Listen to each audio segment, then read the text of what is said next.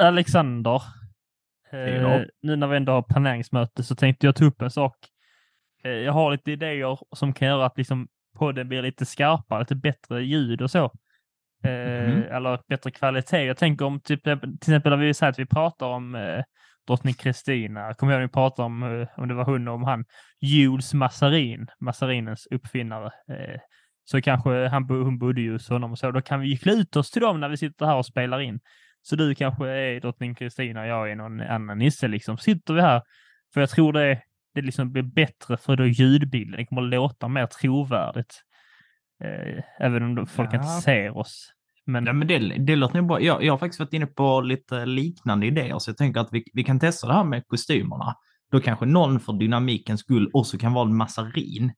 Eh, för det är ändå lite nytt och fräscht. Men annars tänker jag typ så att om vi tar med mickutrustningarna och sen Ja. så sitter vi på en berg och dalbana och så Ja. går den liksom baklänges för det är oväntat. just Eh, det. Och så går den lite fortare. Eh, och att vi blundar samtidigt som vi har podden. Eh, så tror jag att det hjälper ljudbilden ganska mycket faktiskt. Det kommer nog bli lite mer spännande. Jag tror det blir en mycket bättre ljudbild, eh, kanske. Ja. När jag... jag... har också funderat på, eh, kan man kanske göra podden utan att prata? Det är ju lite spännande. Det är nytt. Det är nytt. Det har aldrig gjorts eh, och det är spä- alltså det blir ju när man lyssnar på podden då så blir man lite, lite mer så här, ja det, det kanske kan man ju tänka ut själva som sades och så. Mm. Eh, fick en tanke nu här när vi sa detta att det kan det vara så att vi inte, att vi inte kan någonting om sånt här. Eh, ja, ja, men det stämmer nog. Det stämmer nog. Ja. Ska vi... Du, eh, vi, ska vi ta sträcka på detta och skita i det helt enkelt? Ja, det låter mycket enklare än att behöva lära sig någonting så att Ja. vi, vi skiter i detta. ja.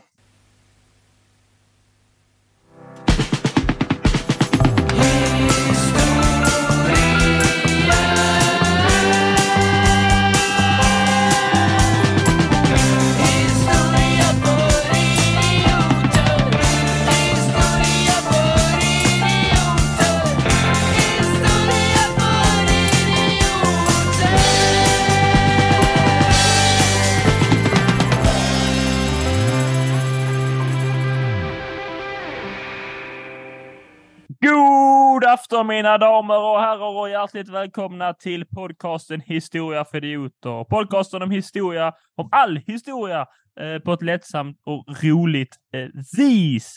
Men idag är det främst på ett musikaliskt vis, för vi är återigen tillbaka i musikhistoriens galna värld och idag då blir det en galen värld. Men galnast här, det är såklart Alexander Riedel, för han har inte gått till barberaren på ett tag.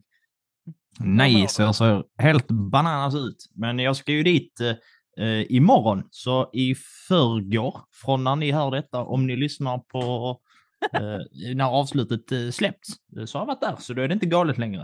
Eh, det här med tid, det är ju abstrakt och eh, konstigt. Hur, hur står det till med vår alldeles, allas favoritproducent? Han som vet hur man klickar igång ljudfilerna och lägger Ja. ut dem. Det står mycket bra till, förutom en eh, kripplande depression så lever livet eh, mycket eh, vackert. Så, så länge man inte tänker på den eh, så är det ändå rätt gött. Det är ju skönt, eh, för depressionen det är ju bara så här utåt, eh, det är- det, det är utanför en själv så att det, den kan Ja. man ju bara sluta tänka på om man vill. Eh, Tankar finns inte, tankar är ju inte verklighet. Eh, Eh, nej, men verklighet är tankar. Boom. Exakt så abstrakt kommer vi ha i detta avsnittet. Eh, Och vill ni gilla ni abstrakta saker och icke abstrakta saker och allt däremellan som har någon form av historiekoppling, eh, galna människor i historien, lite roliga eh, årtal etc. Historiebruk i allmänhet. Vi brukar inte, vi brukar också, ja, som idag, lite musikhistoria till exempel. Ja, så kan man ju faktiskt ta, ja, Vi så kan man ta och följa podden helt enkelt Det för får man göra. appar. Eh, tryck på följ och ge oss gärna en liten stjärna. Och så kan ni följa oss på att historia för idioter där vi är ytterst inaktiva. Så gå in där så kan ni se när vi lägger upp. Ha! Nu ljög du. Du var inte inaktiv. Där får man reda på när avsnitten har kommit ut i alla fall. Exakt, och det vill man ju helst inte missa. Jag tänker, har, har man startat så man hör detta, eh, då vill man förmodligen höra mer, fler gånger. Eh, Så jag tänker att vi, vi, ska, vi ska inte eh, uppehålla dem med sån här onödig information som de redan kan eh, lista ut. Utan vi, eh, eller först innan vi börjar så blir det en uppföljning från förra gångens eh, Voi-åkande för min del. För att nu har jag gjort det igen, kära lyssnare. Inte för er skull denna gången, utan, utan för mig själv. Jag tänker att vi, vi bör ju börja som alla andra poddar med någonting totalt ointressant för lyssnarna som de inte alls har klickat in på. Eh, Mm. Men det är ju bra för dynamiken och framförallt i ljudbilden. Att de får lite, Vänja sig vid våra röster kanske. Innan ja men det- lite så, så hinner de varva ner lite. Så att nu har de satt sig på bussen och den börjar rulla. Så tänker de, gud vad det är långt hem, vad ska jag äta till middag? Så de har inte börjat fokusera eh, på lyssningen eh, ännu. Eh, och det var ju som så här att eh, jag, som den hurtiga människa jag är nu för tiden, eh, jag bestämde mig för att jag ska gå till, till gymmet. Och då har jag Mhm. cirka eh, 20 minuter att promenera, vilket är ganska så skönt. Eh, bara det att jag hade tid att passa efter för jag skulle eh, möta upp min kära mamma i stan efteråt. Eh, så det var ju lite bråttom. Så jag går dit och så kommer jag på liksom så direkt när jag står i entrén att jag har ju glömt gymkortet hemma. Och det måste man blippa för att få ett sånt här roligt armband så att man kan komma in på gymmet. Och så måste jag då, eh, jobbigt nog, som den introverta personen jag är, måste jag förklara för en främling att jag är dum i huvudet och har glömt mitt gymkort. Det enda jag egentligen behövde ha med mig. Eh, och så är det en sån här, du vet, plexiglas i vägen. Eh, så att man hör inte riktigt. Och den här killen i kassan, han pratar inte jättebra svenska. Så att vi har lite svårt att eh, förstå varandra för att jag mumlar. Och han mumlar också och där är ett plexiglas i vägen. Så han frågar då så här bara, nummer? Och så bara, ja, jo, så säger jag mitt telefonnummer. och så kollar han på mig med lite äcklad blick. Eh, och jag säger, ja, det förlåt att mitt telefonnummer inte är så bra. Jag ska bättra mig. Och så frågar han en gång till, nummer? Och så bara, ja, jo. Jag säger det en gång till. Och så ger han så samma blick igen och frågar nummer. Jag så här, ja, så, ja, jo. Det, det, det är det jag har sagt nu. Ska jag skriva det på en lapp också, va? Ehm, och så kollar han lite argt och så frågar han om mitt namn. Och så säger jag Ja. då mitt namn. Och så kollar han äcklat på mig igen och det känns så här, förlåt. Det var inte meningen. Ehm, och så till slut så får jag då fram att det han vill det är att han frågar efter personnumret. Aha. Och det känns så här, ja, då kan du, det är inte så att när folk frågar om ditt nummer att man tänker så här, ah, det är personnumret. Eh, så till slut så får jag då komma in, eh, går upp liksom så här, går och börjar byta om. Och då, då kommer jag på att jag har glömt mina shorts hemma. och då, då blir jag så här, nej vad pinsamt. Jag Vilken inte- dag jag du har. Kan, kan ju inte gymma i jeans, det är ju ett förargelseväckande beteende. Ja, det det. Eh, och då sitter jag ändå så här, ska jag nu, ska jag ta på mig och gå ut igen efter det här klyddet så ser ju han mig när jag går ut där i kassan. Ska man tänka, så du har han inte under tränat? för att Eh, inte nej, skulle se dig. Nej, inte så, så illa var det inte. Så jag tänkte så här, nej, men jag kanske kan sitta kvar här i omklädningsrummet i 45 minuter och sen duscha. Tänkte du det? ja, jag tänkte det. Ja, men det är för fan. Så Och mycket kan man inte bara gå jag, ut nej, och nicka till honom. Han ska inte bestämma över min dag. Nej. Så jag går ut, eller så har jag klart på mig igen. Eh, och sen så bara, fan, nu är ju tiden riktigt knapp. Ser att det är en sån Voi. Eh, men då är, det ingen, då är det ingen Voi, utan då är det en sån Bolt. Så då Mm. får jag ladda ner en ny app eh, och hålla på och klydda med den. Eh, så till slut efter många om och men så får jag hoppa på den här och tuta iväg. Och så när jag kommer nästan hemma, då visar det sig att mitt hem ligger utanför den här jävla zonen. Så den bara lägger av, så jag får liksom så här, du vet, knuffa fram den. Eh, ställa utanför porten. Och så blir jag nojig så här, jag kan inte ta upp min telefon nu, för då kanske de tror att jag har lämnat den här i en farlig zon. ja, ja. Eh, Så att jag får lägga den, och- alltså mobilen, i min väska på den här sparkcykeln. Springa, Springa upp, upp. hämta mitt short, mina shorts, springer ner igen och kommer på, just det, jag kanske ska ta gymkortet så att jag inte behöver ha den här interaktionen en gång till. Springer upp, hämtar det, tutar iväg i full fräs, eh, kommer tillbaks dit och så känner jag bara, hoppas han inte säger någonting nu, för det här, är, det här är jobbigt nog som det är mentalt. Och så bara kollar han på mig när jag räcker fram gymkortet och bara, jag skulle vilja komma in tack. Han bara, så här bara, har, har inte du redan varit här? Jag Alltså bara, skulle håll, titta håll, på håll, dig. håll käften på dig. Liksom kände så här, låt, låt mig vara. Sen, det, det var min tråkiga historia för idag. Jag trodde han skulle titta på dig med ett leende och säga nummer. Det hade varit roligt om han hade gjort det. det det.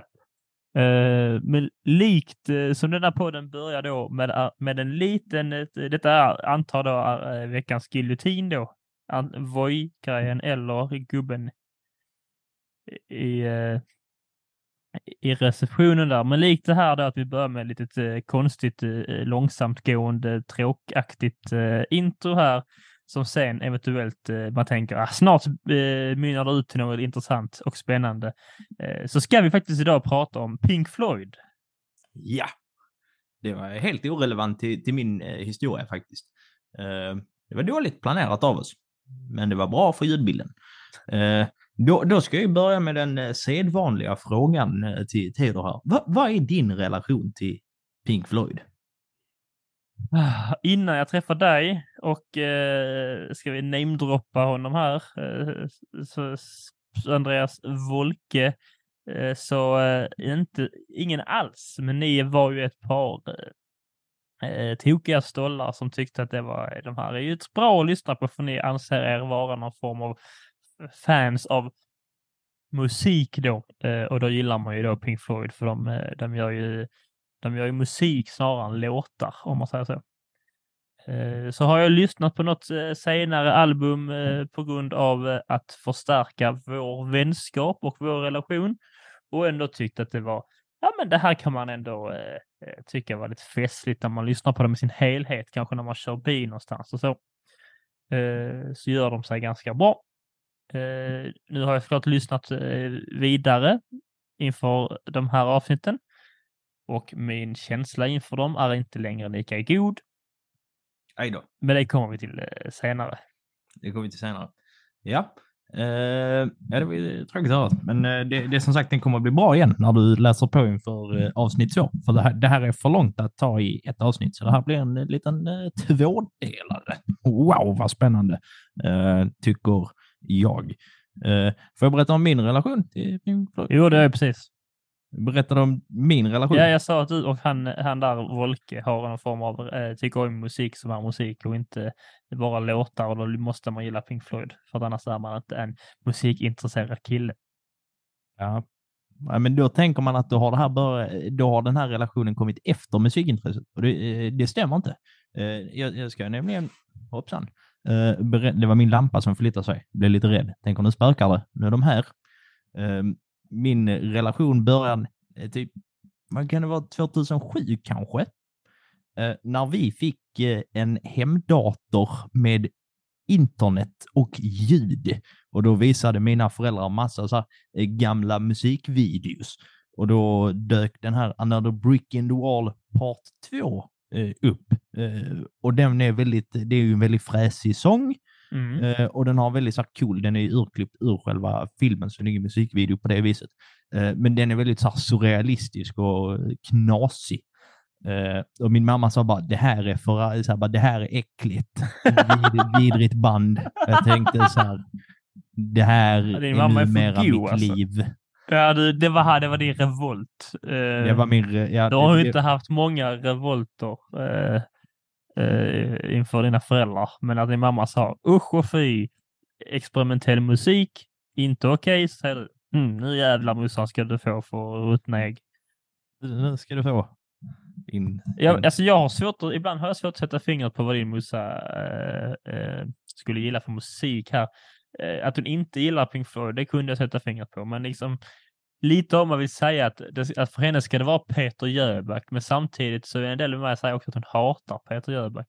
Jag tror inte hon gillar Peter Öberg. Nej, just, jag tror hon hatar Peter Jöback. Det var det vi kom fram till idag. Alexanders mamma hatar Peter Jöback.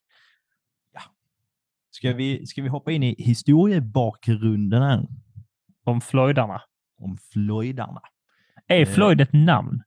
Ja, vi kommer till det. Ja, bra. Jag satt och funderade på det. det. Det är ju faktiskt ett namn, det är ju deras bandnamn. Eh, deras bakgrundshistoria eh, Mm. är ju, jag skulle inte, skulle inte säga stökig, men den är ju lite så här omständig och jobbig.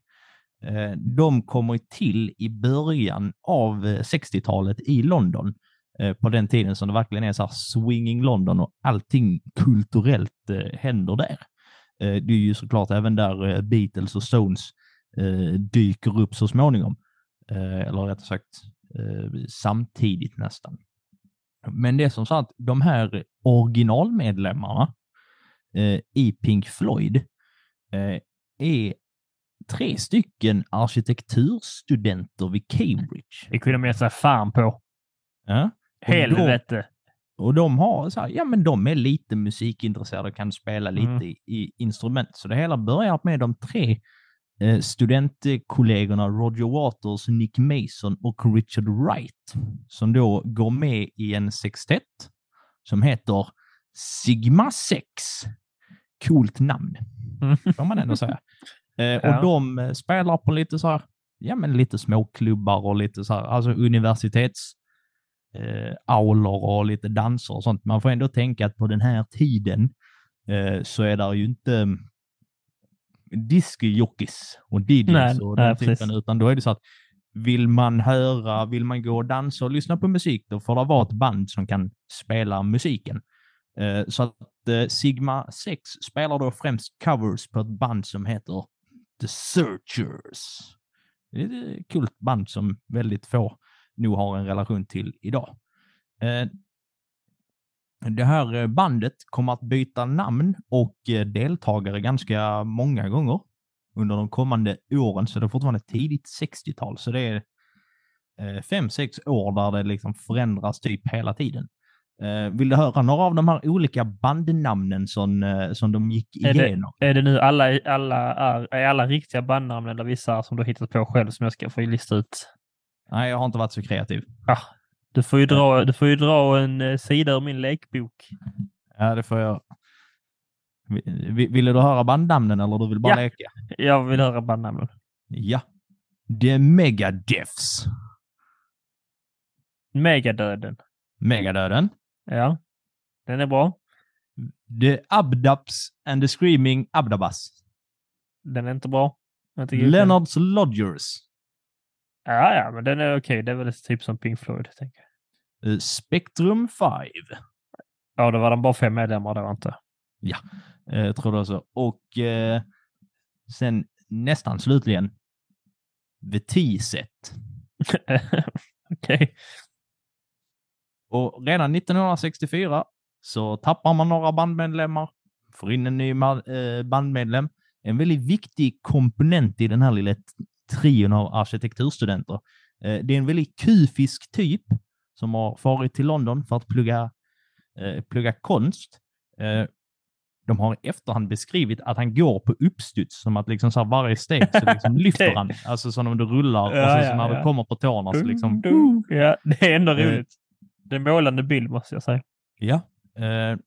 Och det är då en gammal barndomsvän till Roger Waters. Eh, en man som heter Syd Barrett. Okej. Och han är det lite musikaliska och konstnärliga geniet som lite saknas i den här eh, gruppen. För att han, ja, men han kan spela gitarr och han kan... Alltså Nej, för min, se- eh, för min, eh, efter min lyssning här nu, efter fyra eller fem eller sex första album, eller vad det nu var, så tycker jag att de fortfarande saknar någon form av musikalisk geni. Det är väl tråkigt att höra. Eh, ska du sitta och vara så negativ i en timme nu? Nej, jag har bara lite, jag har lite eh, anteckningar utifrån albumen sen vi kan, eh, vi kan ta då. Eh, där är något positivt också. Men att kalla honom för musikalisk geni när de sen, ja. ja mm. Ja, Det blir ju bättre sen, det vet jag. Ja, men jämfört med de, jämfört med de andra tre knasbollarna så vet han i alla fall hur man gör. Men då är du ju ett mu- musikaliskt geni jämfört med mig. Japp. För att du kan spela två ackord på din gitarr. Yes. Så att 1964 så består bandet av Roger Waters, Syd Barrett, eh, vem var det mer? Nick Mason, Richard Wright, eh, Bob Close och Chris Dennis. Det är ett ganska stort band. Eh, men det här är också samma år som de ska tappa två av de här eh, sistnämnda mupparna, varpå eh, den här Chris Dennis ska gå med i RAF, som står för Religious Fanatic Feminist. Nej, det var konstigt att du missade bokstaven A här. Har du svårt för ja, alfabet? ty- ja, eh, ja, det gjorde jag. Men det, de skrev ra- rasistisk RA, rasistisk. Ja, även känns som Royal Air Force. Ja, ja, det är också, ja men de är väl rasistiska. Eh, Förmodligen. eh, den här Bob Close, han får press hemifrån om att han ska, det är dags att fortsätta med studierna, håll inte på att muppa omkring. Du får liksom lämna bandet. Eh, så kvar blir då Waters, Syd Barrett, Nick Mason och Richard Wright. Den första uppsättningen av det som strax ska dö döpa namn till Pink Floyd. Så att där liksom så att bandet börjar egentligen med att de tre av medlemmarna går in i ett annat band. Alla andra tidigare Sluta. medlemmar sticker, de Ja, joinar en annan. Eller så att de får in en annan kille och sen byter de namn helt. Ja. Det är lite, så halvt, eh, halvt stök, stökigt. Eh, de har väldigt, väldigt långa spelningar till, eh, till en början. Eh, så här, själva ett set är liksom en och en halv timme. Eh, men då gör de tre stycken sets liksom under natten så att de kanske börjar spela ja, men vid typ så här nio och sen är de klara någon gång liksom mitt i natten. Men jag inbillar mig att de tänker liksom att eh, soundcheck är en del av konserten. Att de står där och liksom, eh, för att så låter i musiken, att de står ju där och liksom så stämmer gitarren och allt låter och så sitter någon bakom och på trummorna så tror de att åh, nu gör vi en banger här. ja. Så inbillar jag mig att de tänker.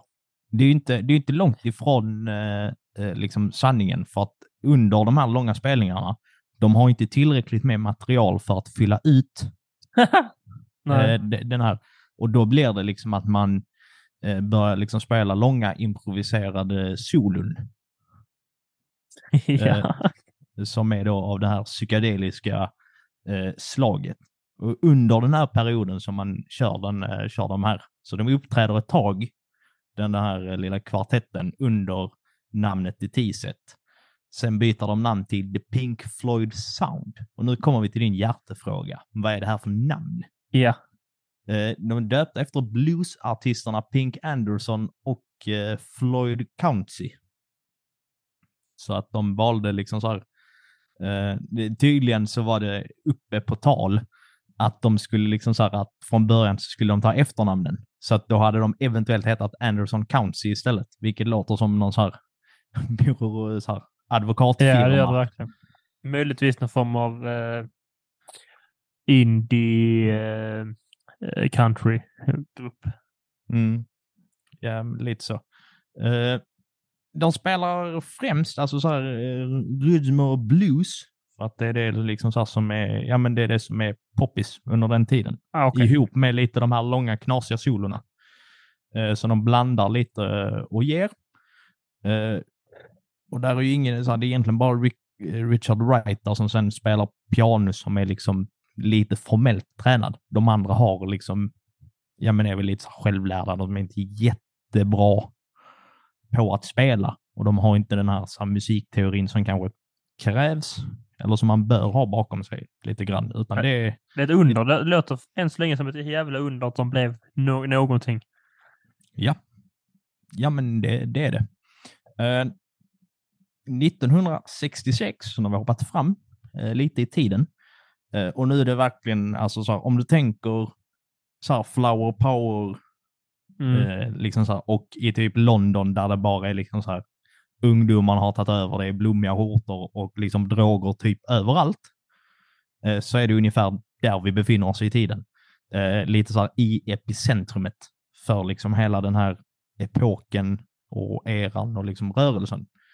Eh, så att 1966 så spelar de på en klubb eh, där två stycken, jag tror att det är så att de jobbar med finanser av något slag, eh, Peter Jenner och Andrew King upptäcker då bandet och blir lite så här managers till, P- till Pink Floyd. Eller Pink Floyd Sound, som de heter från början. Men de tvingar liksom så här, het Pink Floyd, det låter mycket coolare. Och då sa de, ja, ja. Ja, vi vet ännu inte vad vi gör, sa de. nej men lite så. Så vad fan det bara att göra. Eh, Så de här managersna, de köper eh, utrustning eh, till liksom bandet och får in dem på lite andra ställen. Och det är där under 1966 som man börjar få lite större bredd. Bland annat tack vare att man blir liksom omnämnda i tidningsartiklar. Och då visar det sig att den här ena eh, av managersarna har ju lite så här fishy kontakter eh, som han utnyttjar ganska väl. eh, så att de får, ja, men de får PR som de kanske inte Skulle haft. skulle haft. Eh, de bygger upp ut sina sätt ytterligare och de börjar liksom använda sig av ljusshower när de eh, spelar. Eh, och då får de hjälp av en, eh, av en man som heter Mike Leonards som också är liksom handledare på universitetet till Oj. de här eh, Waters, eh, eh, Mason och eh, Wright, liksom så, så de känner honom sedan studierna. Eh, och han har uppfunnit en liksom så här speciell ljusmaskin som gör att du kan liksom projicera ganska mycket färg och rörelser samtidigt. Som du kan ändra liksom så här, ja, med flera gånger. Eh, eller liksom den uppdateras hela tiden så det blir liksom inte, En diskolampa helt enkelt. Ja men något åt det hållet. Eh, Kommer du skulle när man, man- var- jag tänker mig så när man hade, det var kalas i gympasalen när man var liten. Så var det alltid en sån eh, stor svart grej med typ eh, fem eller fyra olika lampor och alla lampor hade varsin färg då. Så snurrade den runt så här liksom. Eh, jag visar alltså min hand som snurrar då. Så att Alexander förstår hur någonting snurrar. Ja. Eh, och så eh, åkte det och så blinkade byta de här platsfärgerna på den här stället tror jag. På lamporna. Den, den uppfann han alltså. Ni som Det- har haft eh, fest, eh, idrottsfest, eh, idrottssalsfest, ni vet precis vad jag menar. De, eh, de, de, de har full koll på detta nu. eh, hur detta eh, fungerar. Eh, den här mannen vill då också liksom vara med i bandet. Men han får inte vara med i bandet. För han är typ 20 år äldre. Och de gillar inte riktigt honom kanske. Det är lite konstigt. De börjar få lite, Eh, lite mer så här publik. De börjar bli lite så här, de börjar bli lite duktigare, lite mer accepterade. Eh, däremot så spelar de ju ganska ofta på alltså typ studentfester eh, eh, och liksom, eh, alltså, eh, vad fan heter det, banketter. Vilket är en jävla konstig bokning eh, för det här bandet. Eh, vilket gör att publiken som de spelar för vill ju oftast ha liksom vanlig rock'n'roll eller bara liksom så vanlig musik. Så att de blir typ misshandlade av publiken, liksom, som kastar flaskor och eh, grejer på dem. Men det är ju lite drygt med att de, blir- de blir anställda för att vara typ bakgrundsband i, på sån bankett liksom. Och de bara så Yes, hello everybody. Varför blir jag alltid, jag har alltid fel dialekt. Eh, Great. Britain, yes. We are the Pink Floyd sound and we're gonna play some songs for you. Alla bara, ja, ja, vi ska äta, vi ska äta små, små, små räkmackor. Lite, lite fyrkant med en räka på. Håll käften nu. De bara, okay, this is our favorite sound. Uh, it's uh, 24 minutes long and it starts with uh, 20 minutes of him finding the right button on the keyboard. You're welcome. Ja, men det är så. Då, då är, det är oförskämt ju. Ja, men det är ju ganska oförskämt. Det är ju synd för typ alla inblandade. Alltså, ja, det är ju det. Why Det- doesn't they like us? I we do so much great music. Det är inte lätt. Men till slut eh, så öppnar där en klubb som heter UFO. Ja, Eh. passande. Jag kan säga de ungdomarna som är där, Rediga ufos. riktigt- Ja, det är så här, de är UFOs. Ja. De är inte nyktra. Nej, Och då ja. har det inte varit alkohol som har konsumerats. Ehm, och det är ju liksom så att den här psykedeliska livsstilen har liksom ökat. Och då blir det liksom, ja men då är det klart att det öppnas någon eh, subkultur. Eh, och då är ju den här ljusshowen ihop med den knasiga musiken eh, såklart någonting som de strävar efter och vill ta efter. Så att de blir liksom, ja men lite ett husband på Wow. den här klubben på UFO. Så att de får spela för liksom publik som vill lyssna på den här musiken och liksom folk som vill lyssna på och dansa och ha den här upplevelsen. För det är ju mer det. Alltså det är, det är någon form av upplevelse snarare än just själva musiken de är ute efter kanske. Eh, de får liksom ta del av det. Så att eh, tidigt 1967, för er som kan er musikhistoria, så är det samma år som Beatles kommer släppa Sgt. Pepper.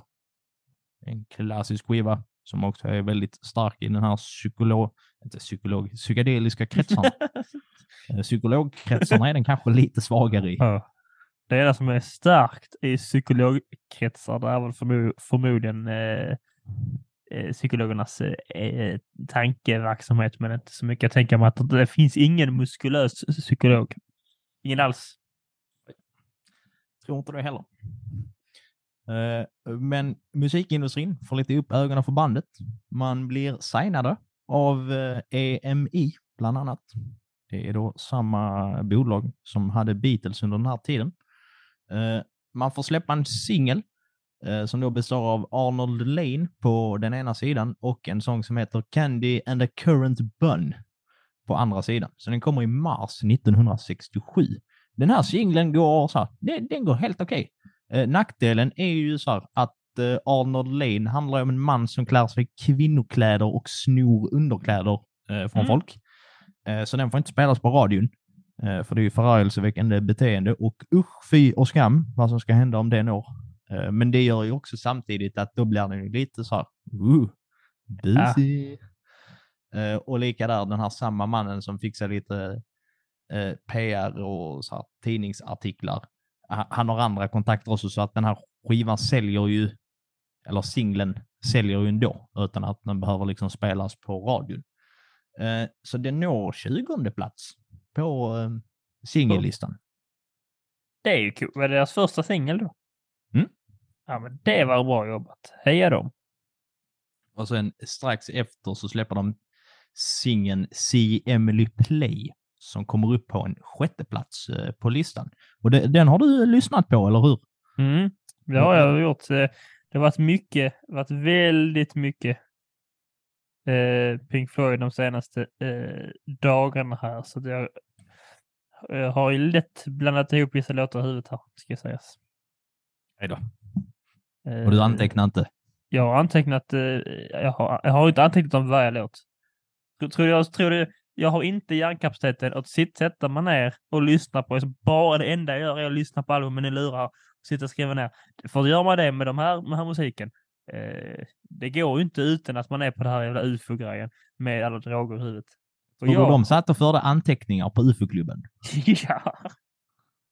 Sång 1, bra. Nej, men det är väl, den slår ändå ganska starkt och det är ju eh,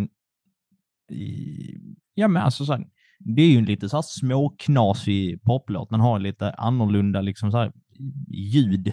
Alltså så här, det är lite ljudeffekter. Det låter inte riktigt som annan musik, men det är fortfarande en ganska så stabil eh, alltså poplåt. Den är liksom så här, den gränsar från att vara liksom så här, ja men ganska normal till att också vara lite konstig. Och den är liksom en, ja men en, en ganska bra sinnebild av själva eh, vad som komma skall, kan man ju förvänta sig. Ja. Eh, de börjar också få lov att göra lite tv-framträdande. Eh, och då är de på någonting som heter Top of the Pop, bland annat. Och där dyker de upp eh, några gånger. Så det är ett program som går typ en gång i veckan och de får vara med liksom tre, fyra gånger. Inte då liksom tre, fyra veckor i följd, utan ja, men spridda gånger under väl en, två månader. Eh, och det är ju ett jätte, alltså man får ändå tänka, detta är ju tiden när liksom tv-kanal 1 och 2 typ finns. Jag misstänker att det var så det ser ut i Storbritannien också. Det skulle eh, jag tro. Eh, så det är ett jättebra fönster liksom utåt.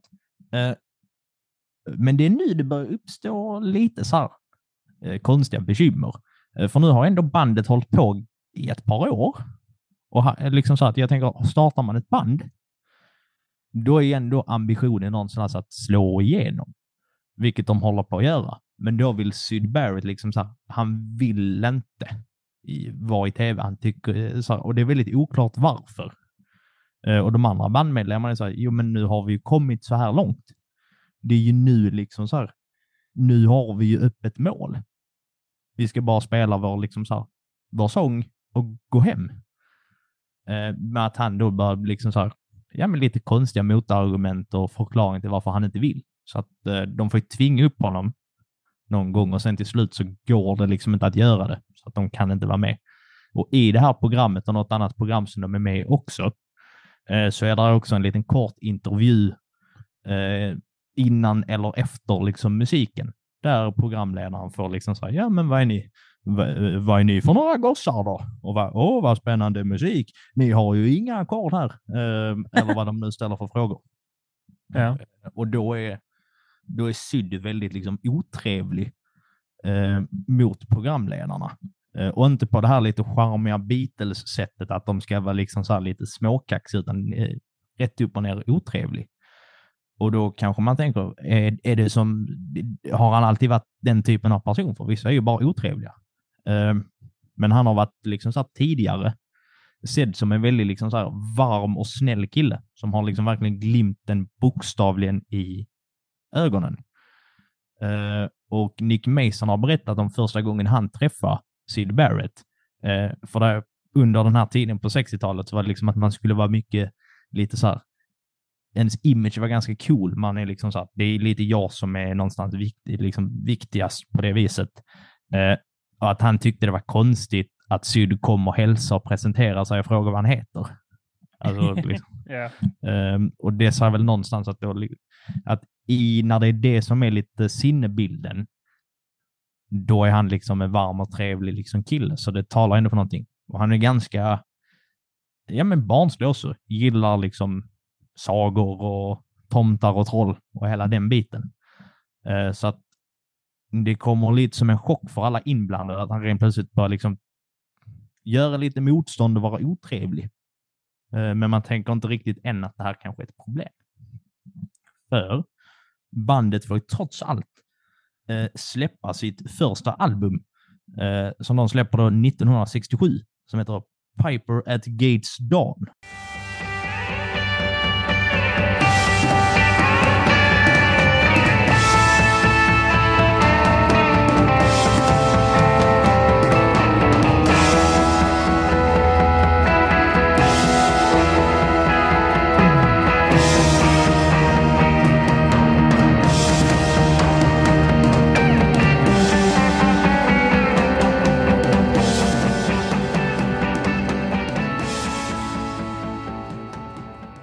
Och nu Theo, Mm. nu vill vi höra vad du tycker om det här. Ja, det här ban- bandet, för det här albumet har jag då lyssnat på och eh, direkt fått någon form av eh, den spontana känslan jag fick var att detta här är ju nu sitter jag och lyssnar på den, de mobbade i estetklassen här va. Och då vet ni alla att estet, hela estetklassen var ju mobbad så att alltså de andra estetmobbade eleverna mobbade de här eleverna då. Eh, som sen tillsammans då, eh, eh, när de slutar, startar ett eget kollektiv och har nu satt upp någon form av uppträdande på Månteatern i Lund. Det var så det upplevde jag det. Det låter inte... Det är lite som att de har satt sig så här. Vi kan visst göra, vi, det är okej att vara lite konstig och vi ska visa det. Så nu sätter vi oss här alla fyra och så bara gör vi varsin grej på varsitt instrument och så är det vår låt. Och men, och, men ibland så får man upplevelsen också om att liksom att här, eh, här är, bör hända någonting till. Alltså här är något framträdande till liksom. Som, alltså jag typ ser framför mig när vissa låtar spelas att eh, på scenen, alltså, att, jag att jag bör sitta och kolla på något scenframträdande där någon bara springer omkring och hoppar så, som en eh, någon form av svandans. Och sen efter det så kommer det fram en liten gubbe som säger koko, Alltså det är bara sånt random som helt utanför varandra och inte hör ihop men så allting händer på scenen. Det var, det var för mycket, men det var två ljusglimtar. Mhm. Det var låten eh, Mother Matilda Ja, och eh, The Gnome. det, är- det är nog med fett. Ja, eh, det handlar om en tjock eh, gnom. Nim krimble krumble. Det Men, är men även de känns ju lite som att det är Eh, ljud, eh, liksom ljud till någon form av eh, konstigt kollektivt framträdande. Liksom. Eh, pjäs. Ja. Eh, Det, är ändå, ja, men det, det låter ändå rimligt. Alltså, där är ju, så här, där är ju vissa bitar där man ändå så här, det här är ganska fett. Där är liksom så här, ibland, det, det är inte ofta, men det är sällan, så dyker upp lite, så här, lite coola gitarriff och liknande. Eh, men sen är ju resten, eh, det låter som den gamla, alltså så här, som originalserien av Star Trek, som också kom 66. att det låter som det är så här rim, alltså blupp, bluppar och plonkande liksom Vet i du vad rymden. jag Att så här, fick för tankar ibland? Ja, precis så. Jag, vet, jag fick tankar i vissa, genom alla eh, album, att det låter typ ofta som ibland typ, som jag kan komma på exakt var det är, i, i, nu ska man referera till Pippi Långstrump här, men i vissa, i, i Pippi-filmerna, i vissa scener, så spelar de liksom lite så musik som är verkligen lite så här, det bara låter så här, typ jag tror, jag tror en del är av det när hon, eh, Pippi ligger i den här tunnan och åker ner för vattnet. Eh, och så bara spelar de liksom musik som ska anta låta obehaglig och konstig och märklig. Eh, lite läskig. Eh, och så är det som att de bara spelat dåligt fiol typ. Eh, som är meningen. Och så låter det typ hela tiden tycker jag. Ja. Säkert någon Men- som tar den referensen. Men... Ja, det, är, är en ganska smal referens. Uh, Pippi Ja, Långstrump är väl ingen smal som- referens. eh, vad sa du? Pippi är väl ingen smal referens. Alla vet. Nej, men just sekvensen när hon är i tunnan känns som att den är lite smalare. Folk har kanske inte så här, hur låter det när Pippi åker i Det är tunnan? Pippi på rymmen. Nej, bara, det, Ja, ja. Vet, ja.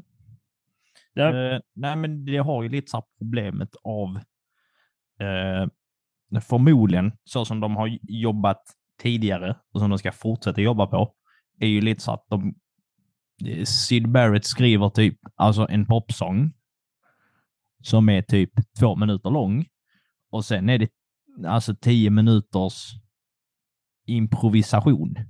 Vilket gör att det ja. finns ju bitar som är liksom, ja men bra. Ja men det är så här eh, habilt, det funkar. Eh, och sen följs det liksom av bl- blibbidi-bloppity-ljud Exakt. som inte riktigt leder någonstans och sen hittar det tillbaks i slutet på låten igen och sen är det klart. Eh, men om man då tänker att ja, men när de har framfört detta på liksom så här 60-talet, eh, folk är höga på syra, ja, då, är det, då får man en annan upplevelse till det. Men liksom att sitta och lyssna på det idag, eh, som du liksom förmodligen eh, har gjort, suttit liksom så här i vardagsrummet på soffan och sitta och lyssna på, eh, det går ju inte. Nej, alltså jag har försökt, eh, eftersom att jag ska eh, hinna med det då, för att avsnitt, i vissa låtar, man går in på ett album och tänker man, ah men vad fan här är bara fem låtar, kan inte ta så lång tid. Så är albumet ändå en timme långt. Eh, så har jag ändå försökt eh, lyssna samtidigt som jag gör annat eh, för att hinna med. Eh, och vissa saker, eh, vi kan, jag kommer till exempel när vi pratar om det fjärde albumet, ehm, eh, som är lite fall, alltså ja, jag, min åsikt om den är blandat med vad jag gjorde under tiden eh, som blev en fruktansvärd upplevelse i allt som allt. Eh, eh så det har väl färgat det lite helt enkelt, men det var ju för att hinna med. Just det här första avsnittet, så tror jag, eller avsnittet, första albumet, så satt jag och körde bil helt enkelt och lyssnade. Eh, Ja, det var det. Så därför du inte kan anteckna. Ja. Jag antecknar ju så fort jag gick av bilen. Jag sitter och Ja. läser antecknar här nu. Ja, ja. Jävla. Jävla, jävla. Eh, ja, nej men det, det här albumet här, ligger ändå ganska högt på listorna i typ 14 veckor. Eh, och det, är ändå, så här, det, det har ju ändå någonting. Eh, den här Syd Barrett-killen, han bara slutar funka liksom helt. Eh, för att han eh, förmodligen, eh, och det här tvistar de lärde om, eh, förmodligen så har han alltså så här, någon underliggande eh, psykisk ohälsa som kombineras med liksom press. eh, Och hade han inte det innan så här Ja. fick han den genom att repa den här tokmusiken i flera dagar. Ja, alltså inte, han får liksom söker väl inte hjälp heller i tid för vem, liksom så här, om man inte tänker att det är ett problem så söker man väl kanske inte hjälp heller. Och det här är en helt annan tidsperiod. Eh, men också att den här pojken konsumerar syra så att det liksom så här sprutar ur öronen. Eh, så att han, alltså han steker bokstavligt talat hjärnan, blir typ hjärndöd. Eh, och det är ju inte, det är ju inte jättebra. Och det är det de ville få igenom i första albumet eller? Eh, Den nej. känslan att vara hjärndöd. För det kände jag. Ja. Eh, men de liksom eh, håller på och eh, efter liksom så här albumsläppet, eh, ja men de uppträ så uppträder eh, på samma vis som innan. Eh, men att han bara liksom inte är en fungerande människa som typ inte går att prata med. De har berättat om att i någon situation eh, när de ska åka taxi eh, så kommer han liksom så ner och så har han klätt sig i frack. Och den sa, okej, varför har du frack på dig? Och då svarar han liksom, nej men jag har bestämt att jag är homosexuell nu, eh, så att jag måste ha frack på mig. Och sen så, lev, men så gick han runt i typ två, tre veckor i frack och intala sig själv och alla andra att han var liksom homosexuell. Och sen Varför han med måste han ha frack på sig för det? Ja, det är väldigt oklart. Ja, Eh, och om på nå- liksom spelningar, Någon, spelningarna. någon gång eh, någon säger till mig, du jag är, homos- jag är homosexuell. Ska jag säga, nej, du har ju inte frack. Så dumt. Ja, det, det sa de också. Eh, och det är ändå så här, ja men det är ändå lite så här eh, oskyldigt. Det kan vi ta som att det är något dumt spratt bara. Alltså gillar att jävlas. Eh, med tanke på hur han har uppträtt tidigare med att vara lite så här barnslig och leva i sin egen bubbla. Eh, men liksom på livespelningarna så ibland så vill han inte gå ut ur, alltså så här, gå ur bilen. Så då får de bokstavligt talat liksom så här, dra ut honom ur bilen. Eh, han liksom så här, ja men dyker inte upp. Eh, ibland så står han bara på scen, liksom med gitarren liksom så här hängande i bandet, med liksom så här bara armarna bara typ glor ut i tomma intet i typ fyra timmar. Eh, Han är helt lost. Typ. Ja, och ibland så står han liksom så här eh, vänd, med så här ryggen vänd mot publiken. Står så där i några timmar. liksom det, om jag ska vara helt ärlig, det känns ändå som det hade kunnat vara någon form av eh, del av Pink Floyd-framträdandet. De har framträdandet, han bara står och stirrar ut i publiken ett par timmar. Det är, oh, det är någon form av artsy grej av det. Och sen vänder han sig om helt plötsligt och publiken bara går nuts. Wow! Alltså hur kan de tänka ut det där? Det blev så jävla bra till musiken att han vände sig om. Han har stått stilla nu i en och en halv timme och nu vände han sig om. Alltså man trodde först, är det en docka eller vad, är det en del av musik? Är han ett instrument? Är han, är, är han själva instrumentet liksom? Åh! Det var mitt... nej, eh, han är en grönsak. Det var min liknelse av uh, Pink Floyd-fansen. På den det- tiden. Ja, det var elakt kanske. Nej, det var inte jättetrevligt. Eh, men det är okej. Eh, de försöker, eller så här, Roger Waters försöker hjälpa honom, eh, men han vill liksom inte ha hjälp. Så de försöker ta honom till någon liksom så här, eh, psykolog och ja, men läkare överlag. Eh, och då vill han ju inte det. Eh, men där är liksom så här några läkare som de typ så här lite lurar honom till att gå. Och de säger typ bara, när så hjärnan är liksom stekt. Det går inte att göra någonting. Han är liksom fucked. Eh, så att de fortsätter ha det så här ett tag. Eh, och sen i december 1967, som har ändå hållit på med detta i ett halvår, och då får man tänka, liksom, de spelar säkert typ tre, fyra gånger i veckan. Varje spelning så är det något nytt problem med den här killen. Eh, och de liksom måste hitta någon ersättare. Så att de får in David Gilmore istället, som är en barndomsvän till eh, Syd Barrett då, som också spelar liksom gitarr, kan ändå sjunga helt okej. Så att han får liksom ta över det här partiet och gitarrspelandet. Och ibland så får han liksom uppträ, alltså så, här, så ibland så är ju Syd, han är ju fortfarande med, men då är det att han står på scenen och är där och gör ingenting. Samtidigt som liksom så här David Gilmore då får liksom det är här, precis vad jag sa. Jag sa precis ju. Då blir han helt plötsligt en, en del av framträdandet för det är lite artsy och han bara står där. nej men jag tror inte det är så att de tänker att det här är artsy, utan det är liksom vår kompis helt fucked. Fansen tänkte det. Mm, tror inte det. Eh, Jag tror de tyckte det var lite så här, jag tror inte de märkte det heller om jag ska vara helt ärlig. Eh, Men de har ju efterhand beskrivit, alltså de är inte jättegamla vid det här laget. Alltså de är typ 22, 23 någonting. Ja, ja. Ehm, så att de har i efterhand liksom så här pratat om att, eh, vilket också är väldigt tydligt för bandet, om att det är ingen av dem som riktigt pratar om elefanten i rummet. Men att alla tycker att det är jättekonstigt vad som händer. Eh, och för dem, eller liksom för Waters och Gilmore som ändå varit barndomskompisar med Syd, så är det liksom så att de ser en barndomsvän bara vara liksom inte en fungerande, alltså så här, typ ett skal av en människa. ja, det är lite sorgligt. Eh, och folk säger att de, alltså att han är helt tom eh, i blicken. Alltså så här, typ helt svart nästan. Mm. Så att, eh, ja men, nej, men lite så här obehaglig. Och sen glömmer de honom en kväll.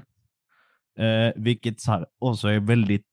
Nej, men det, är så här, det är lite Pink Floyd-eskt det här att ingen har typ så här, åkt och hämtat honom, för han kan ju inte förflytta sig själv ordentligt.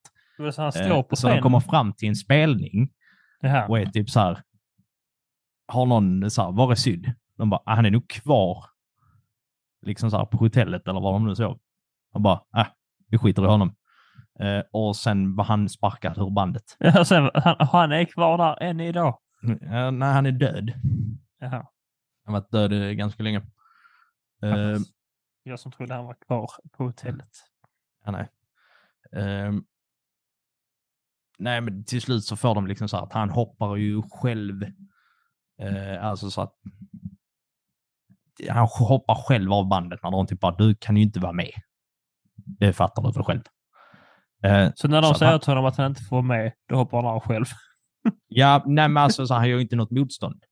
nej, nej, men han, ja, han bara, ja, ja, hej då. Ja, precis. Mm.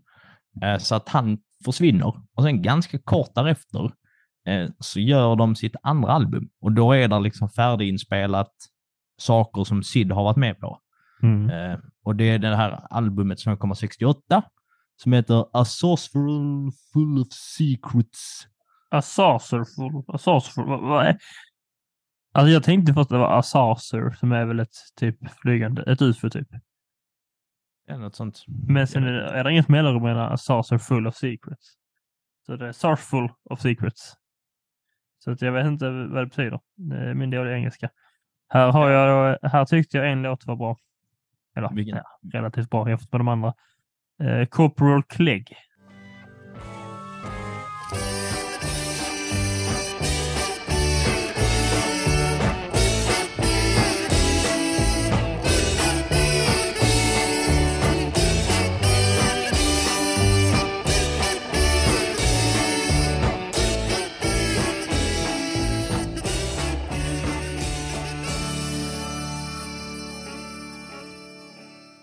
Ja, den är ganska fett.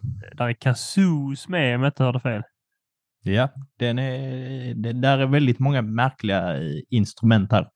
Eh, och här eh, bör de också för att nu är ju Syd, han är ju alltså så han är, han är med på albumet eftersom att det är material som är färdigt och liksom inspelat sen innan. Mm.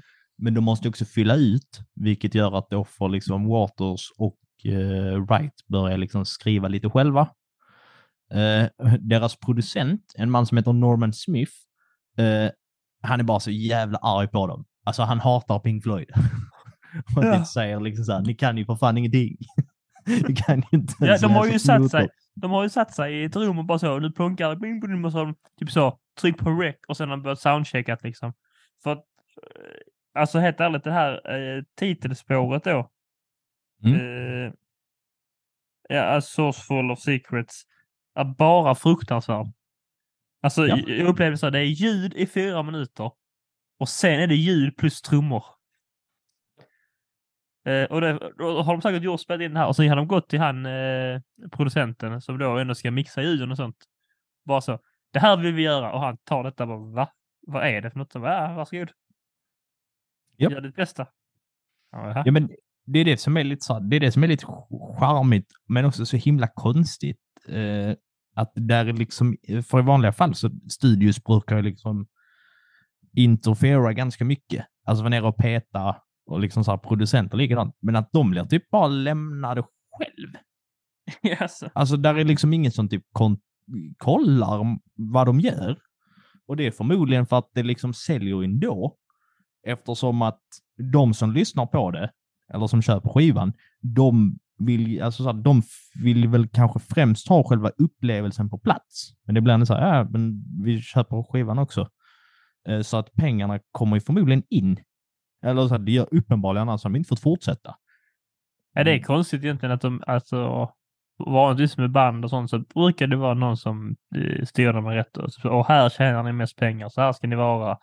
Eh, så här ska ni, lite pojkbandaktigt blir ofta så liksom. Även Beatles föll lite in i det. Eh, Ja. mm, Ja, men, men de här, hade ju... men här, de, de här är det verkligen räddade av producenter. ja, men här är det verkligen så att man bara så, eh, ja, vi fattar inte ett skit vad ni gör, men vi får in lite, mm, någon gillar er, så vi här, fortsätter liksom. Eller låt, vi låter det hållas. Ja. Jag är Alltså, på jag ett under. Jag tycker det är så konstigt för det är inte, det är så.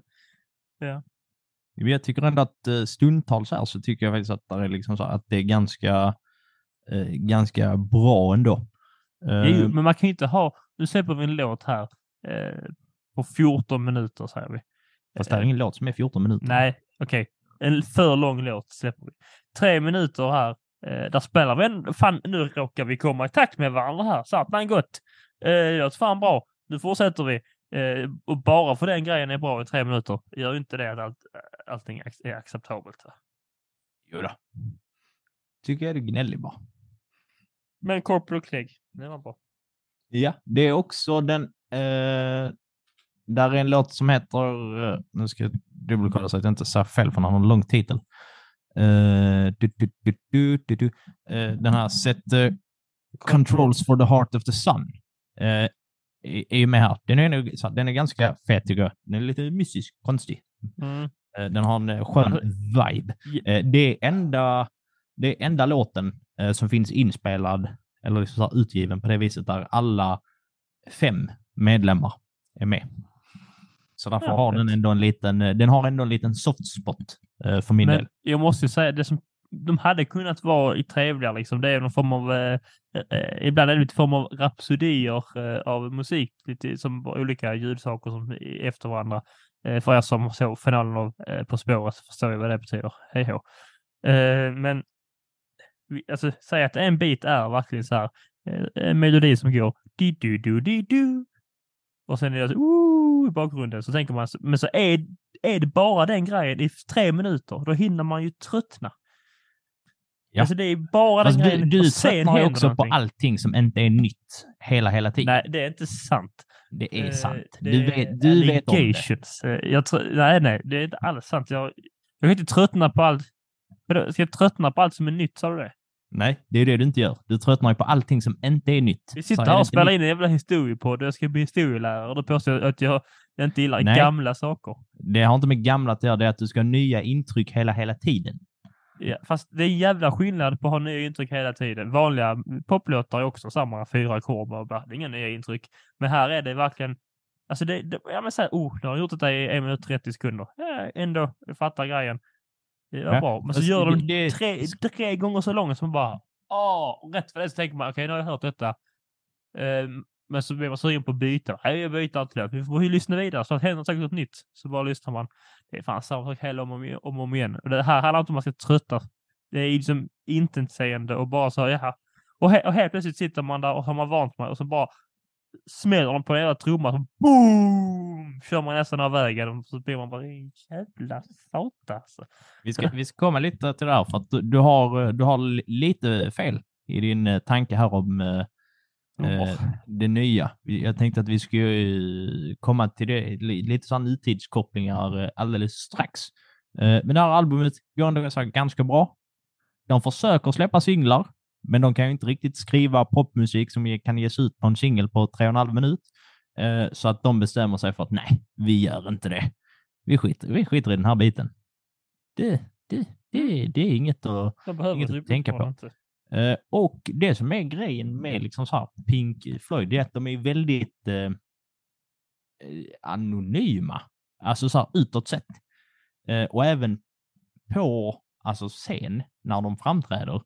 Eh, vilket de också har bekräftat sen, eller liksom lagt lite tryck vid, att de försvinner lite, liksom, de har inte så mycket scenpersona i fall av att de liksom så här skriker till publiken så här, är ni med? Woo, nu kör vi! Da, da, da, da. Utan att det är liksom någon ljusshow, de står lite gömda i hörnet och sen så får liksom musiken och effekterna vara det som står i centrum. Vilket gör att det är inte så mycket att prata om själva... Men det händer inte så mycket mellan albumen. För det här också, det, det är ett väldigt osentimentalt band i väldigt många vinklar. Du har säkert märkt också att det är inga sånger som egentligen handlar om ja, men typ kärlek eller så värme saknas ju eh, till ganska stor del. Och de här bandmedlemmarna, eh, alltså de hade inte planerat eller tänkt att nu ska vi bli ett stort band. Eh, och att de har liksom känt varandra som barnsben. Utan de blir lite så ihopsatta Ja, men Av av slumpen, Lite, av, ja. av slumpen. Och sen råkar de slå igenom så att de ser varandra som liksom arbetskollegor. Så det är bara, ja, another day at the office. Nu ska vi åka och spela vår knasiga musik i typ tre, fyra timmar. Och sen åker vi hem, var för sig. Och sen ses vi inte förrän liksom nästa spelning, eh, i stort sett. Eh, så därför hoppar vi till, eh, nu tycker jag ändå så här, nu tror jag inte du kan vara lika hård längre mot deras plinky-plonkande. Lite kan det vara. Men 1969 så släpper de liksom ett, eh, ett soundtrack eh, till en då film, eller de gör soundtracket till en film som heter More. Eh, så att det här filmsoundtracket räknas också in i deras diskografi. Det här skrivs på typ två veckor. Liksom här, Mm. det är väldigt billig och liksom så här snabbinspelad. Eh, de blandar, här bör de ändå blanda lite genrer, så det kommer in lite nya influenser, eh, tycker jag. Och där ändå är så här lite mer utarbetade, alltså sånger som inte är liksom tio Ja, minuters Här, här har jag ju då eh, skrivit att eh, vissa låtar är fortfarande lite för knasiga för min smak, men nu börjar jag mjukna upp. Ja. Eh, nu börjar det falla i plats. Jag har skrivit att eh, The Nile Song var redigt nice. Ja, Eh, för där är- finns ju en tydlig melodi, eh, bland annat, eh, vilket inte alltid fanns hos dem. Så tyckte jag var, det var lätt för en simpel man eh, som mig som, eh, att hänga med och eh, inte jag lyssnar på helt enkelt. Och sen även Green is the color. Ja. Och sen Ja, är, men- är det en låt som heter Party Sequence ju. En av de Ja. lite konstigare. Som ändå påminner om Tarzan va?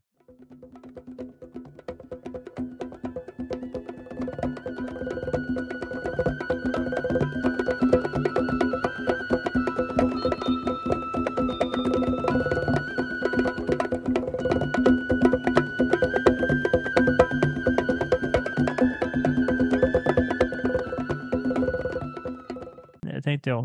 Eh, när de här eh, aporna eh, börjar spela där i djungeln och sjunger. Så börjar det med att de bara står och smäller trummor för dem i eh, camp, campet. Ja. tyckte jag att Party Sequ- Sequence, det, är det är den scenen, Ja. tänkte jag. Ja, men det, det låter faktiskt som en ganska rimlig sån tanke. Det är också som sagt, det är ju soundtracket till en film. Så att, eh, Ja, det fanns scener till det. ja, eh, där det skulle passa in. Så att det, det blir liksom, jag tror att hade man plockat bort det i efter, alltså du hade ju kunnat göra en, eh, du hade ju kunnat göra en helt annan skiva av det genom att ta bort typ the party sequences och så här, andra som heter typ main theme. Eh, som inte heller är liksom så här, de är inte så mycket att ha. Eh, de, kan inte, de står väl kanske inte riktigt på egna ben helt och hållet. Nej. Men det, där, man ser ändå eh, någon form av liksom förbättring kan man tycka. Att de utvecklas alltså rent musikaliskt. Eh, sen är det ju problemet med, och det kommer vi komma in på det här fruktansvärda albumet som kommer samma år, eh, Må det brinna i helvetet. eh, Ja, ja, men det de det. eh, Ja, ja, de okej, arbetar bra. ju inte ihop. Alltså så här, de kan spela ihop och göra sina så här långa grejer. Liksom så här, fatta liksom så här, okej, men nu kan jag komma in och så kan vi kan jag nu spela något åt där. Eh, Och så kommer det låta typ så här. Eh, Så att redan, alltså samma år, och då har de ändå liksom så här, då släpper de en dubbelplatta där ena skivan är liksom så Mm. här live-inspelningar av liksom så här, ja, men gamla låtar som de har framfört. Eh, och det är liksom så här, ja, de funkar. Eh, och sen den andra eh, m- plattan, då har varje bandmedlem fått varsin liksom halv skiva att göra vad de vill med. Eh, och då har det varit lite så här, ja men du gör din grej, jag gör min grej. Och så du får kanske hjälpa mig lite med min grej. Nej, jag vill inte. Nej, men du måste. Eh, och det är, alltså, det, det, det är skit. Är det Umma Gumma? Det är Umma Gumma vi är inne på. Alltså det är det. Det här, det här är är den värsta musikupplevelsen jag haft. Det är, eller ja, jag åkte då, eh, jag hade varit i, eh, eh, i Kristianstad då på den statliga högskolan. Och, Jo, då kan det fan inte bli värre, så tänker man. När det varit i. Kristianstad. Men det var ändå helt okej. Jag, eh, jag hade då en, en redovisning, en gruppredovisning. Det gick bra det. Ehm, Det var ungefär som att jag hade en livepodd för mina klasskompisar helt enkelt. Och Eh, vägen hem tänkte jag, eh, det tar ungefär 40 minuter, jag tänkte passa på att lyssna på lite eh, Pink Floyd då, så jag kan prata om det här. Mm. Och så, så började det helt plötsligt regna väldigt, väldigt, väldigt mycket och jag skulle ut i min nya fina, fast med lilla bil på motorvägen. Och ni vet när man kör bil på motorvägen och det regnar och har regnat och jättemycket. Och då liksom skvätter det även und från under andra bilar. Och, då, och just den här dagen så skulle alla lastbilar från Polen köra eh, liksom från Karlskrona genom Kristianstad ner till typ Danmark. Och något. Alla var där. Allihopa. Så man såg inte ett skit när man körde, men det kändes lugnt. Jag har en ny fin bil tryckt och sånt. Och så startar jag då på Pink Floyd då. Och så kör jag. Och regnet bara öser ner och man hör liksom vindrutetorkarna Eh, och så bara sprutar det vatten överallt. Man måste köra om de här jävla lastbilarna för det inte ligga mellan dem och det är läskigt att köra bil när det regnar och blött och så får man vattenpåning. Och under tiden så är det bara musik som spelas med från Umma Gumma som låter fruktansvärt och riktigt läskigt som låter... Det var nog faktiskt exakt citat från låten. Uh, Annars var det bättre än det som är på skivan. Alltså, så ska jag köra där och verkligen eh, fokusera på musiken och på, eh, ja, inte köra ihjäl mig. Och här var ett sådant exempel när det var så, sån här massa knasiga ljud och så blev det tystare och tystare så trodde man att låten sluta. Det var tyst i kanske så fem sekunder och så bara kommer en jävla smäll. Att de bara typ smäller igång och så fan och då var jag nära på att köra av vägen alltså. Eh, och det var ingen trevlig upplevelse någonstans detta här. Ja. Nej. Så att eh, den får eh, fem av fem toasts. Eh, brända toasts eh, som man tycker det luktar för att man fått en stroke. Oj. Det ja, får men, den. Ja, men det är väl kanske inte helt långt ifrån. De, de har ju i efterhand också lite sagt själva att det här, det här var inte bra. men jag tänker att det vi kanske ska lite så här, för nu har vi eh, två album kvar att prata om. Eh, men de kommer på 1970-talet och det är nu jag tänker att vi eh, klickar i, eller så här, skickar in vår lilla eh, samhällsanalys.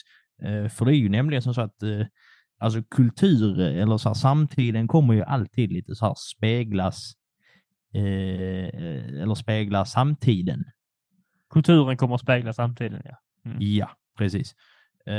Och, då, och det har jag tänkt på nu när jag liksom så lyssnat igenom. Jag kan säga att eh, alltså, jag gillar ju Pink Floyd, men jag gillar inte Pink Floyd alltså, som är egentligen mellan 67 till liksom 69 för att det går liksom inte riktigt att lyssna på. Och det får man ändå ha i baktanken att den här musiken är inte gjord för att jag ska höra det idag.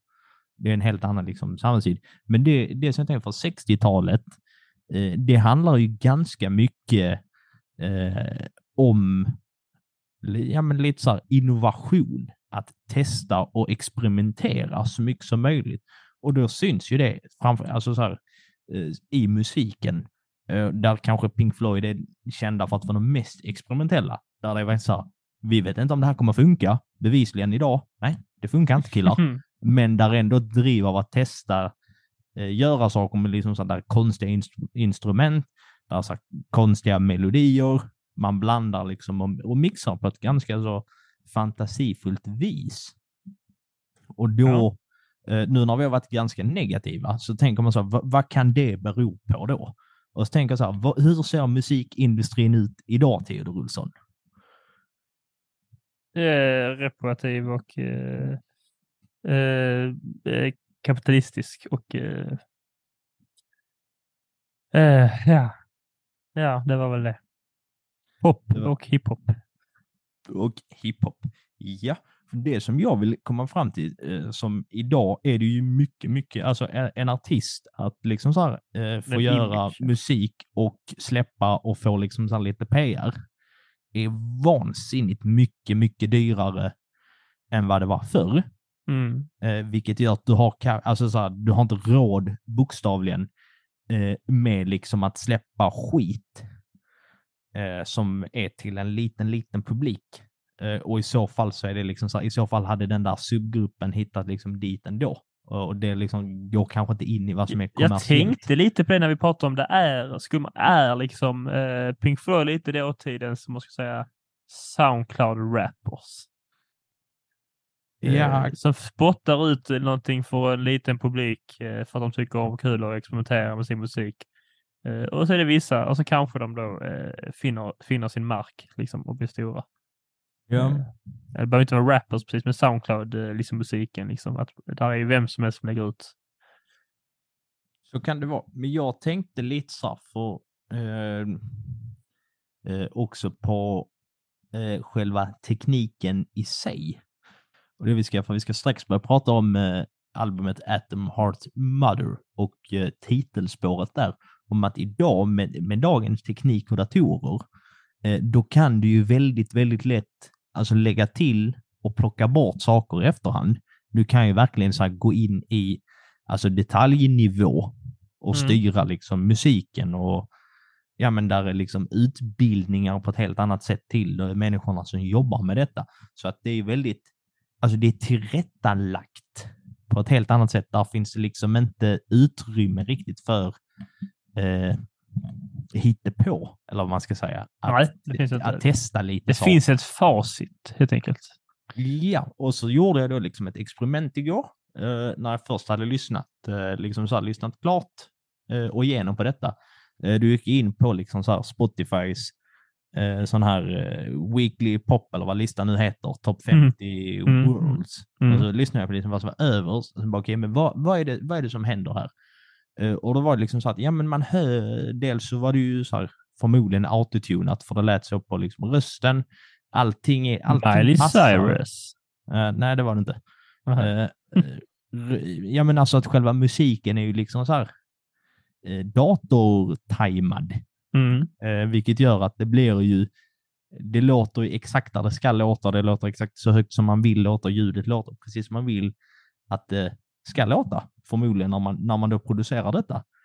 Men då tappar man ju lite det mänskliga värdet. Gör man Mm. det? Jo, det gör man.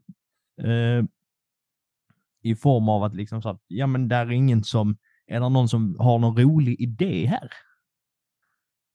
Eh, det, det som sker skulle jag då, jag ska försöka göra någon form av samhällsvetenskaplig analys här eh, på eh, extrem hobbynivå. Eh, men det som sker nu på något vis är att i samhället har förändrats och det handlar mycket om att vi ska bara konsumera nu eh, på ett helt annat sätt än eh, under, under moderna tiden, nu 60-talet.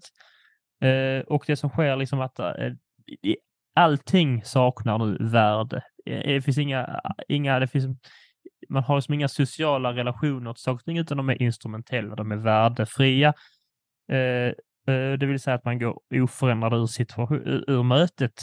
Eh, så att i de nya sångerna och låtarna eh, sker allting som en form av eh, mekanism eh, i ett eh, maskinism, alltså ma, som ett maskin liksom att så här gör vi bara och så är det så här vi gör för så här får vi in mer pengar och, och det blir någon form av kapitalistiskt eh, ja, behöver inte ska, jo men det är kapitalismen och konsum, för att folk ska konsumera det. Detta vet man att folk vill höra och detta vet man att folk är bra och så här gör vi nu bara och så här är det. Medan kanske då under Pink Floyds tid då så finns det en mycket större värde i just hur, att hur de spelar musiken, att de spelar musiken, vad musiken representerar mycket mer än vad det gör just nu. Eh, för där, eh, där finns någonting eh, djupare i relationen eh, mellan då eh, konsumenterna, till exempel då, de som konsumerar musiken och själva musiken, än bara nu vill jag lyssna på någonting. Eh, så att säga. Ja, för det, det, ja men precis. Det, var- det var lite eh, det hållet som jag också hamnade i när jag gick och tänkte på detta. Att det här är ju... Eh, ja, men att musiken idag, eller i alla fall det som ligger på eh, de här nypoplistorna, det som ja, men man tänker att eh, vår, våra barn i framtiden, när de är 15-20, kommer säga oj, det, det där var så här gamla låtar, musiken på 2020-talet var lite det här. Mm. Eh, och då tänker jag liksom att ja, men det, var, det var lätt att ta, ta, sig, ta till sig. Man behöver inte liksom tänka så mycket som du säger, att man förändras inte av mötet. Precis. Eh, och det är både till det liksom bättre eh, och det sämre. Det ska kommer- sägas också att eh, det, skillnad, det stora skillnaden också på det, den skapande kulturen idag är ju att eh, eftersom att eh, på något sätt så allting är nostalgiskt helt enkelt. Eh, det är så det är ju. Alltså vi kommer inget nytt. Eh, Det möjligtvis är väl hiphopen någon form av eh, eh nyaste grejen den är, men även den är nostalgisk och det här är ju på riktigt nytt Pink Floyd. Alltså det de gör ju. Ja, och det var precis eh, där jag ville att du skulle landa, så det var en jävla tur att du gjorde det. Eh, För att de har själva eh, sagt det och det är liksom så här, det är lite, det är de som har sagt det, jag bara återberättar det. Att för att kunna kopiera någonting, då måste du liksom kunna det. Och de har själva sagt att de kunde inte riktigt spela alltså instrumenten från början. Så att de Nej, visste så på, så här, men de kunde liksom inte på gehör och där fanns ju inte riktigt så här YouTube och internet att leda sig till för att lära sig hur man spelar, spelar låtarna.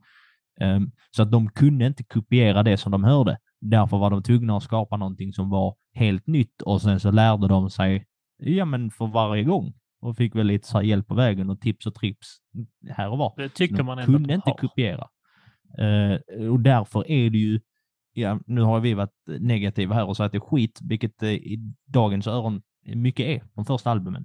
Ja, det Men var det. är i alla fall någonting speciellt. Men det ska den sägas- speciella musiken, eh, innan du flikar in, den tror jag inte, det kan inte återupprepas eh, så som landskapet ser ut idag, där du kan eh, tillrättalägga allting och där man mycket har, om du läser, går in på typ gaffa.se, obs är ju sponsrad. Eh, De eh, skriver, har stor musikbevakning och skriver liksom så här, när det kommer nya album så gör de recensioner där är artistintervjuer och nästan varje av dem säger alltid, ja men vi var inspirerade av eh, det här, det här Mm. och det här och sen så ville vi göra det till någonting annat. Precis. Eh, och då är det så att då låter allting typ likadant. Fördel, familjärt. Det låter inte som rymdplinkiplonkande.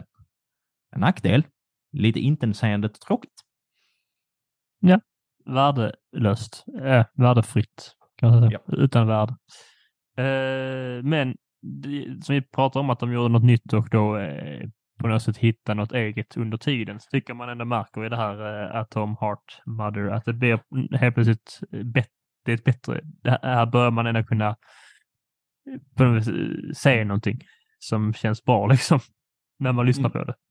Även om eh, Även om Allans Psychedelic Breakfast fortfarande är, är lite knasig så blir det lite skärmknasigt helt plötsligt. Kan men det så här, man, man kan ju lyssna på det. Alltså, så här, det, det är en sån... Alltså jag tror jag har lyssnat på hela den typ tre gånger. Och då har jag ändå Mm. lyssnat på Pink Floyd sedan jag var typ 13. Ehm, men det är så att, alltså det för den eh, som då inte är familjär, vi, vi rekommenderar ju såklart att ni kikar in och lyssnar samtidigt så ni kan pausa oss en stund, starta och höra det lite så att ni är med på banan. Men det är ju liksom en instrumental sång eh, och sen så bryts det, den är väl typ eh, vad- 12 minuter kanske, något sånt. Eh, men det är ju så instrumental fin musik. Det är ingenting Mm. utöver det vanliga. Men det är liksom så här, ja men det är typ vanlig, lite så här klassisk musik nästan. Och som sen avbryts som att det är en man som förbereder liksom sin frukost. Eh, så liksom man hör när han häller upp kaffet och slamrar lite med sin kopp. Lite så här äckligt när han liksom så här smaskar. Det är ju lite så här ASMR-aktigt. Eh, ihop med den här. Och det får man ändå säga, det är ju ändå eh, hyfsat eh, så här unikt. Ja, ja Eh. men det märks, det känns att de eh, här börjar det hittas eh, någon form av nisch. Alltså nisch har det alltid varit, men här börjar det, det känns som att någonting börjar landa. Handsken börjar, eh, börjar liksom passa. Mm. Vi, jag, tänkte att vi skulle så, eh, nämna också själva titelspåret som då heter Atom Heart Mother Suite.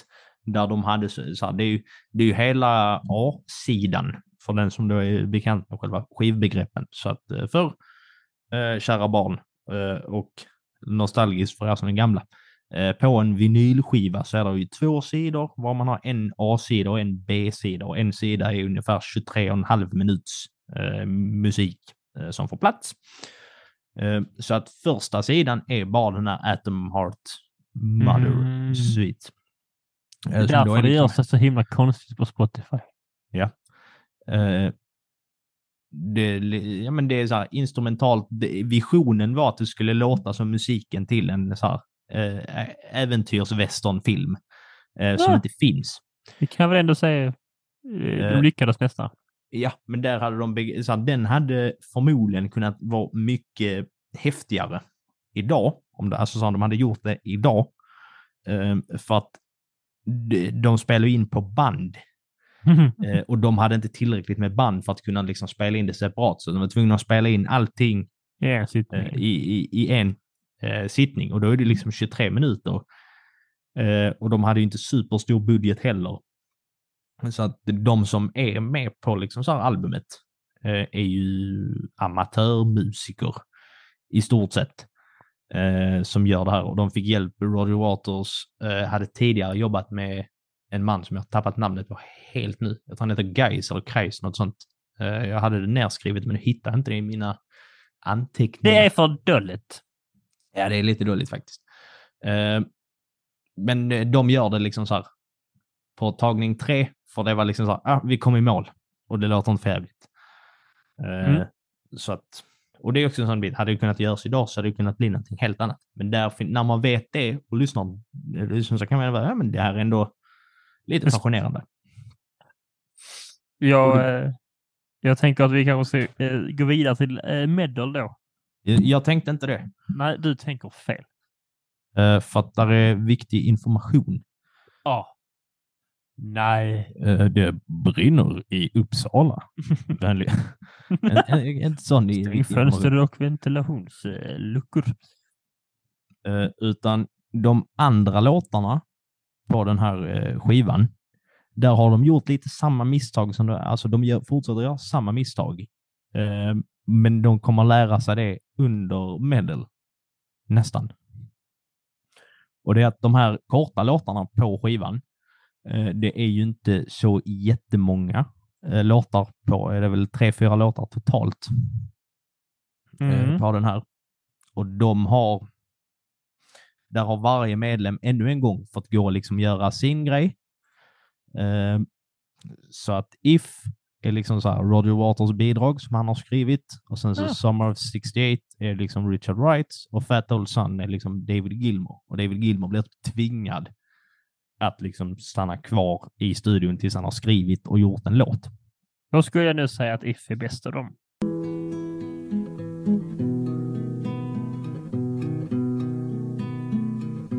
If I would have swum, I'd be gone. If I would have trained, I'd be late.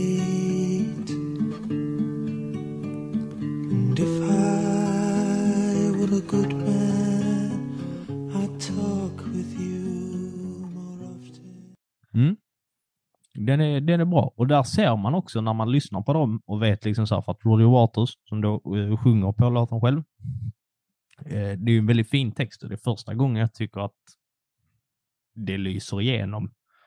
Att där är liksom så här lite lyrisk talang hos någon av dem. Och sen Summer of 68, som då är Richard Wrights, skriver piano. Jävlar vad jag tar i halsen. Uh, woo. Ja, men där märks också att hans eh, sångtalang och eh, kapacitet till liksom så själva pianot skapar fina melodier. Och Fat Old Son som då är gitarristen David Gilmors liksom bidrag som han sätter ihop helt själv. Den består ju typ bara av två, tre gitarrer och en sång. Att här syns väldigt stor liksom talang hos dem individuellt. Eh, som musiker. Och det är nu, efter det här albumet släpps 1970, de ger sig ut på en stor turné. De börjar slå ihop liksom med, eller de börjar slå i USA, så de är ute på en USA-turné också. Där de då spelar de här nya låtarna och också experimenterar fram lite nya låtar. Så att de har lite idéer. Det är inte längre det här fyra timmars plinky plonk Ja, de har låtar och sen så har de lite idéer till låtar som de liksom successivt jobbar fram eh, på eh, scenen. Så att de håller på att utveckla liksom så här ett nytt album samtidigt som de är ute och spelar. Och det här albumet leder då 1971 till Medal, det sista albumet som vi ska gå igenom. Ja, där, eh, där har jag faktiskt varit och lyssnat förr i världen. För du har väl skickat någon till mig tidigare. Så det ligger inne på mina gillade låtar. Det ligger faktiskt Apollo of Winds.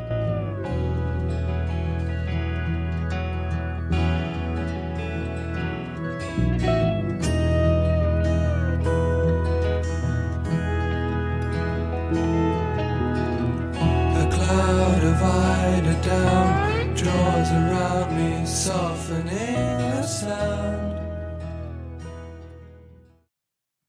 Eh, vilket den är nog trevlig. Eh, där har jag ändå varit och, och doppat tårna i för. Så ibland så går jag in på gillade låtar och trycker shuffle så kommer den upp och då byter jag inte ifrån den. Eh, så att säga. Så det är väl ett gott betyg. Bra betyg. Det var det om det albumet. Nästa Ja, det vecka så pratar vi om eh, Kalle Anka Pocket. Nej, men jag misstänker, för du skrev till mig att det är en, en av de här 23 minuter-låtarna Ja. eh, som är, eh, man måste lyssna på med hörlurar, bla bla bla och hela så, och fokusera och så. Det gjorde jag inte, ska jag säga. Eh, jag, Vill, vill du ta din recension efter? För jag tänker att här finns det lite förklaring, lite fakta som är skrivit kring just den. jag har ingen recension på den, så att jag vill Jaha, bara säga att jag, jag gjorde inte det. Alltså, jag vill säga att jag gjorde inte, jag satt inte med hörlurar och sånt, utan jag lyssnade även eh, farandes eh, i en, eh, i en bil, så att säga. Ja. för att jag måste, jag har annat att göra oftast än att lyssna på musik helt enkelt. Då gör man också Det har du inte. Okej, ehm, Vem försöker du lura? men jag tänker den får jag ju med mina lyssnare efter detta här. Ta oss, ta upp in hörlurarna, kanske gå på en promenad om det är fint väder och lyssna på hela kanske. Det bör man göra. Um, ja, i alla fall, de, de eh, utvecklar det här albumet under tid.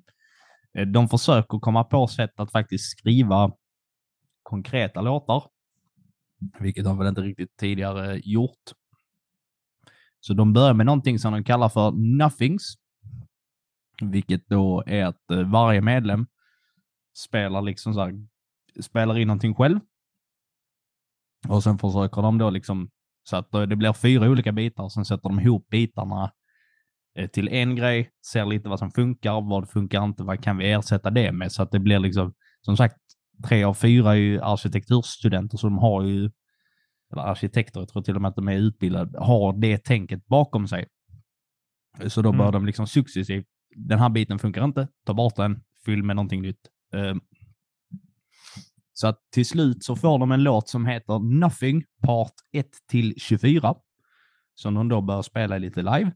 Sen byter den namn. Så ett tag heter den liksom så här Nothing. Sen heter den Son of Nothing och sen heter den typ Return of the Son of Nothing. Eh, sen ett tag live eh, så heter den Looking through the knotholes in Granny's wooden leg. Eh, Nej, bra. och Känns som sen- klassisk brittisk eh, humor. nu. Ja, och sen ett tag så heter den We won the double. Så det är när de presenterar den för publiken och då är det en referens till att eh, Arsenal vann dubbeln 1970, säsongen 1970 Ah. 71. Bu! Och sen heter den också March of the Dambusters. Och till slut så heter den då Echoes. Ja, Och det, det, det, det här, eh, den är ju sist, alltså så här, för den är en hel B-sida eh, eftersom den är så lång. Och det, jag kan säga att det, det är där, eller det är egentligen på första låten på skivan. Eh, för här jobbar de ihop eh, som ett band på riktigt. Alltså att alla bidrar med någonting. Man testar idéer. Så här, vad funkar? Vad funkar inte? Liksom, vad, vad, vad måste vi ändra på? Eh, Så att på första låten, den som heter One of these days, för övrigt enda gången där Nick Masons röst hörs på en sång. Och eh, Echoes, det är så här bara, där, där är de. Så här, nu, nu har det här bandet kommit till. Så här, nu är de Pink Floyd, som vi alla känner och älskar. Inte Mm. det här knasiga blippi-bloppandet som vi har tidigare. Nej, men det känner man nog. Här, här kände jag mig eh, eh, lite mer som att man är i en kudde av vindar, så att säga. Eh, När man lyssnar på det. Att man blir lite så, mm, okej, nu, nu känns det helt plötsligt lite tryggare och inte bara en obehaglig resa genom en blöt, blöt, eh, jag vet inte vad det är egentligen, skogsbjörn höll jag.